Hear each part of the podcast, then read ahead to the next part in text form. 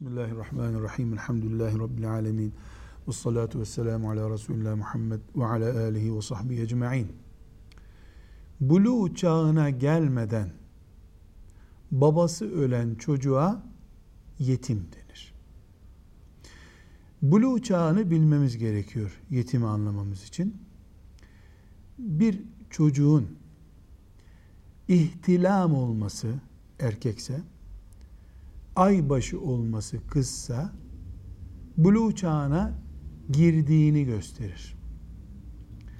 Eğer 15 yaşından gün aldıysa aybaşı olmamış, ihtilam olmamış olsa bile buluğ çağına girmiş sayılır.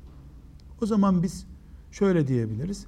15 yaşına kadar çocuklar buluğ çağına girmiş olabilirler ama 15 yaşındaki her çocuk baligdir. Buluğ çağına girmiştir.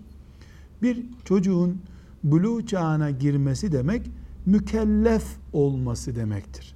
Yani 70 yaşındaki bir insanla 16 yaşındaki bir insan Allah'ın şeriatında aynı yükle yükümlüdürler. O da namazla yükümlüdür, o da oruçla yükümlüdür. Şu kadar ki çocuğun buluğ çağına gelmesiyle reşit olması arasında küçük bir fark olabilir. Bu fark mesela buluğ çağına gelmiştir ama ev idare edecek durumda değildir. Henüz çocukluk atmosferinden kurtulamamıştır. Olabilir. Ona ne yaparız? Babasından kalan büyük malı teslim etmeyebiliriz. Mesela onun ehliyet alıp e, araç kullanmasına izin vermiyor olabiliriz. Henüz reşit değil.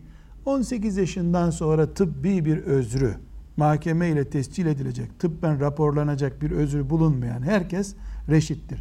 Çünkü Resulullah sallallahu aleyhi ve sellem Efendimiz 17 yaşındayken Üsame radıyallahu anha ordu teslim etti. O orduda Ebu Bekir ile Ömer de Allah onlardan razı olsun er olarak görevliydiler. Demek ki 17 yaşından itibaren ordu yönetecek kıvamda kabul edilebilir bir genç. Şimdi tekrar konumuza dönelim. Bir çocuk henüz buluğ çağına gelmeden babası ölürse ona yetim denir. Annesi ölene yetim demiyoruz. Öksüz diyoruz. Dinen yetim babası ölen çocuktur. Yetimle ilgili iki e, açıdan incelememiz gereken bir konu var. Birincisi yetim Allah'ın rahmetinin tecelli ettiği yerdir.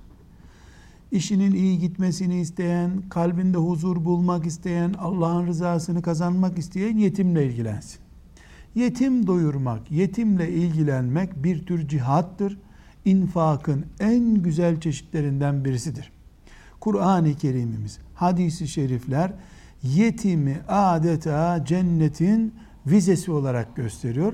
Buna bilelim. İki, bir baba ölünce onun bütün malı, hakları vesairesi yetimlerine kalır. Eğer yetimi varsa. Yetim değilse de zaten çocuklara kalır. Ancak yetimken çocuğa mal kalması halinde o malı yemenin ciddi bir şekilde vebali vardır. Özellikle dedeler, amcalar, yakın akraba, komşular yetim malına karşı dikkat etmelidirler. Zira yetim malı yemek bir tür ateş yemektir. Ancak bu şu demek değildir. Evde yetim var diye o evde çay içmek sakıncalıdır şeklinde anlamamalıyız. Yetimin malını yemek, tarlasına el koymak, babasından ona kalan arabayı vesaireyi gizlemektir.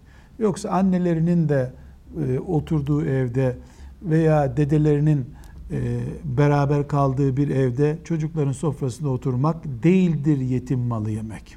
Velhamdülillahi Rabbil Alemin.